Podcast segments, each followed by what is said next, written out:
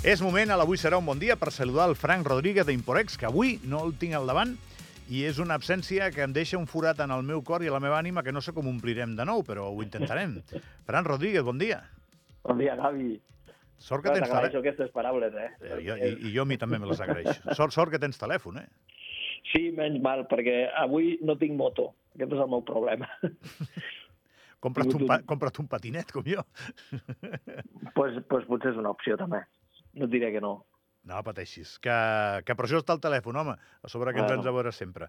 Avui ens vols parlar, eh, i ara hi anirem, dels greixos a la cuina, que tinc moltes ganes d'escoltar-te, Mhm. perquè aquest és un tema probablement eh, comú a tothom que ens escolta, en major Mhm. o, o menor mesura, però és que ja tenim eh, aquí allò del que vam parlar en la teva última visita, que és eh, aquest event, la Paella Palmana, que fas juntament Sí. amb Assanca, amb la Mhm. dietista i nutricionista Alice de Noyer.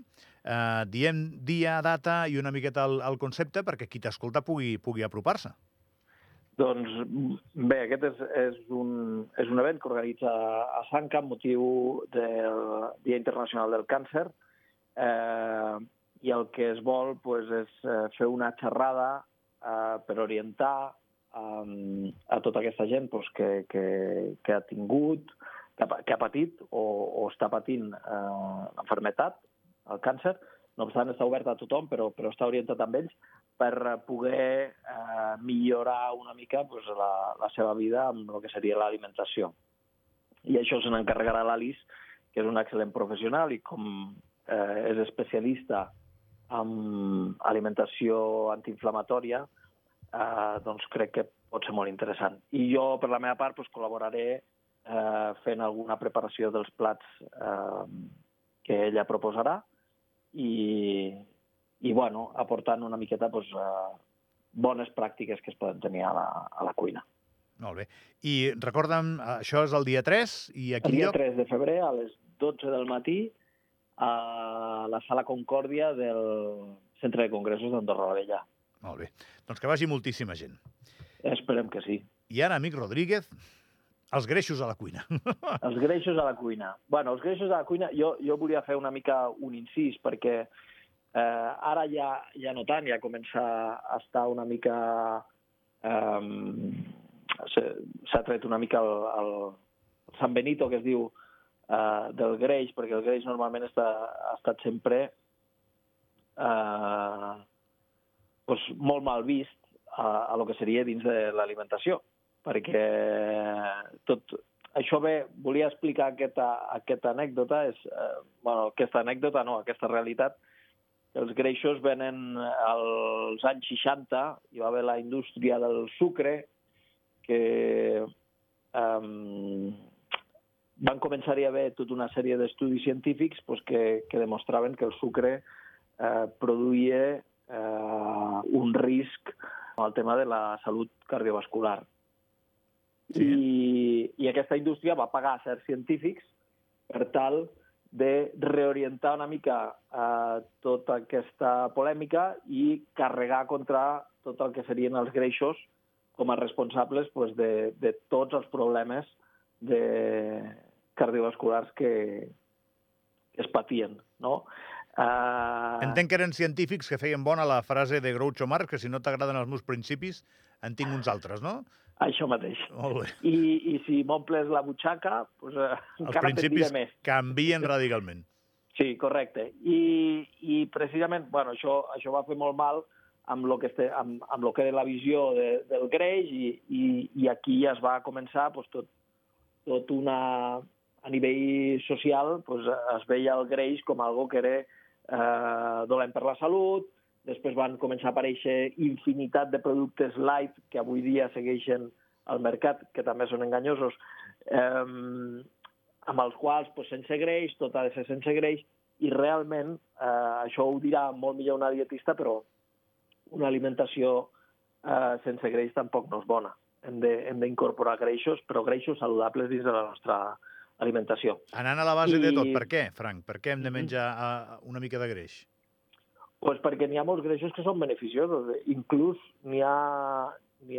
Últimament vaig, he llegit algun estudi sobre un greix que és un greix que és, no, és, no és saturat, és, és supersaturat, o sigui, és molt saturat, que també aquí moltes vegades es diu pues, els greixos saturats no són bons. bueno, pues ha el que és l'oli de coco, que tot i així els estudis encara estan en una fase bastant inicial i s'han de fer més estudis i n'hi ha diversos corrents que diuen que no, que no, que no es vol l'oli de coco, després n'hi ha l'altra gent que diu que sí. Eh, el tema és que l'oli de coco s'està començant a demostrar pues, que té, tot i ser un greix supersaturat, té molts, moltes, molts beneficis, inclús ajuda a, a reduir o, o ajuda a pal·liar l'obesitat.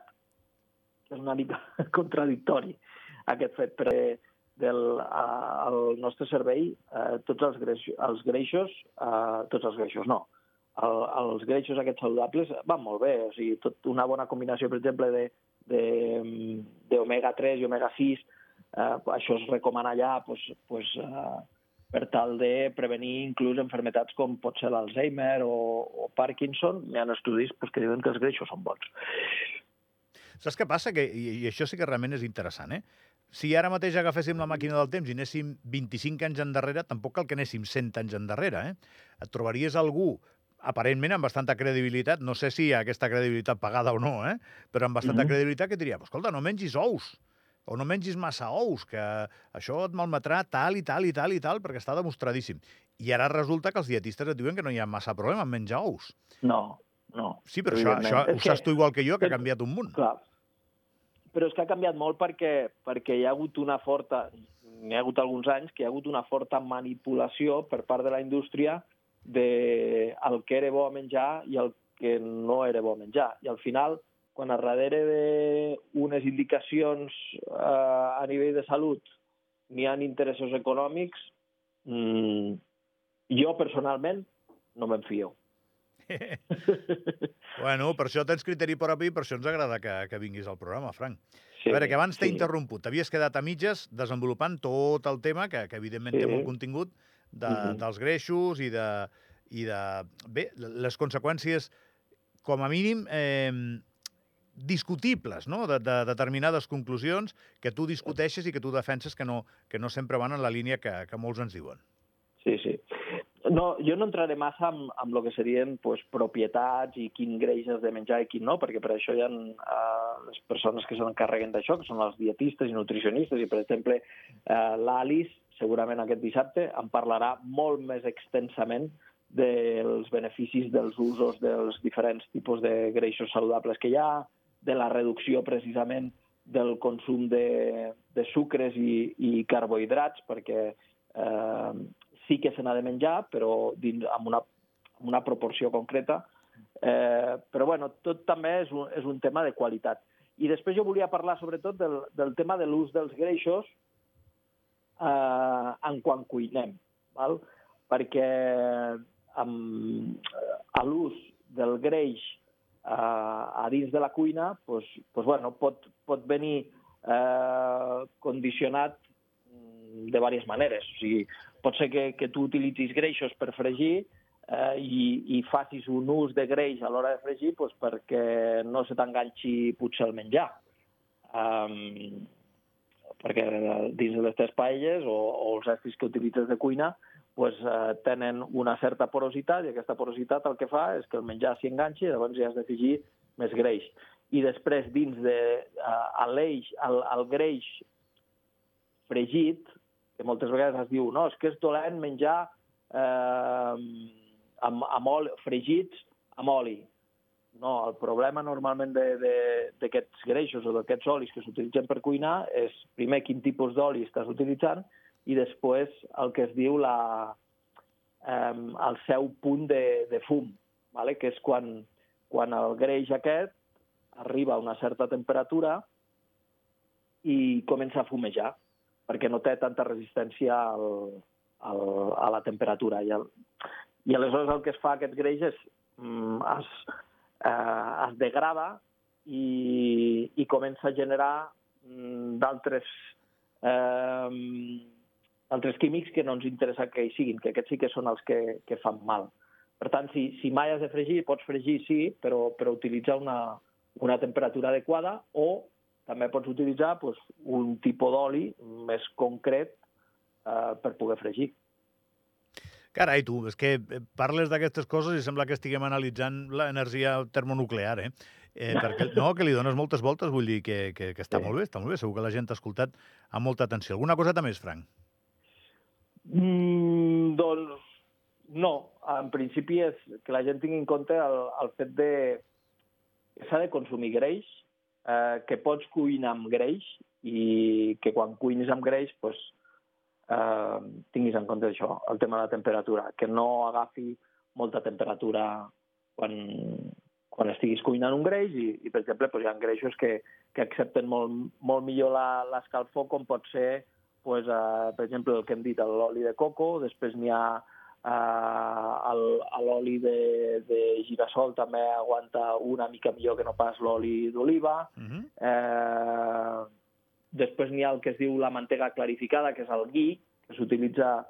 Eh, això s'utilitza amb la cuina ayurvèdica, val? i el que es fa és cuinar aquesta mantega eh, per treguer-li totes les impureses, pues, es treu la lactosa i la eh, d'aquesta mantega i es fa un, el que es diria una mantega clarificada, i aquesta mantega, aquest tipus de, de greix també aguanta, té un punt, una, una temperatura de fum molt més alta. Escolta, l'Anna Mata m'està apuntant ara que et demani sobre la fregidora d'aire, que no és que hagi de desbloquejar la conversa en una direcció o en una altra, però que és un element més.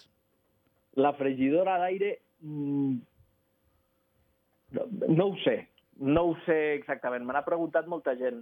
La fregidora d'aire, no ho sé, és un titular. Fregir, o sigui, quan tu has de fregir, si has de fregir sense oli, per què estàs fregint sense oli? O sigui, aquesta al final és la, és la pregunta. I el tema és, normalment el problema és quan tu fregeixes amb oli, és la temperatura que està arribant a aquest oli, no és, no és l'oli en, en si. Aleshores, jo no sé quina és la temperatura, no, no ho sé, ho desconec, eh? i algun dia m'hi he de posar, però jo no sé quina és la temperatura a la qual aquesta fregidora eh, d'aire, l'air fryer aquest que diuen, a quina temperatura cuina. Eh, I un mínim d'oli em sembla que sí que se n'utilitza, o molt poquet. Mm, o no ho sé, eh? estic parlant una mica des del desconeixement perquè no, no... Agraeixo la pregunta a l'Anna, però Està aquí al costat. però, gràcies, Anna. Però no ho sé, m'ho miraré. Pues és, és algo que ho miraré, investigaré una miqueta i si voleu el pròxim dia en parlem una mica. Però no, no em sembla malament, perquè és, és un element nou que eh, també et dic que jo fa molts dies que estic dient que no ho sé és no ho sé. O sigui, que no ho sé és no. Mm, O per ignorància o per posicionament, per, pels Sí. dubtes que et genera. O sigui, de moment és que no, però podria ser que sí si t'informes una miqueta més. Frank, que no et molesto més, va. Et Molt bé. deixem, et deixem fer feina. Perfecte, Fran gràcies Rodríguez, per, d'Imporex. per haver-me trucat. Que vagi molt bé. Gràcies a tu, abraçada gran. Merci, igualment.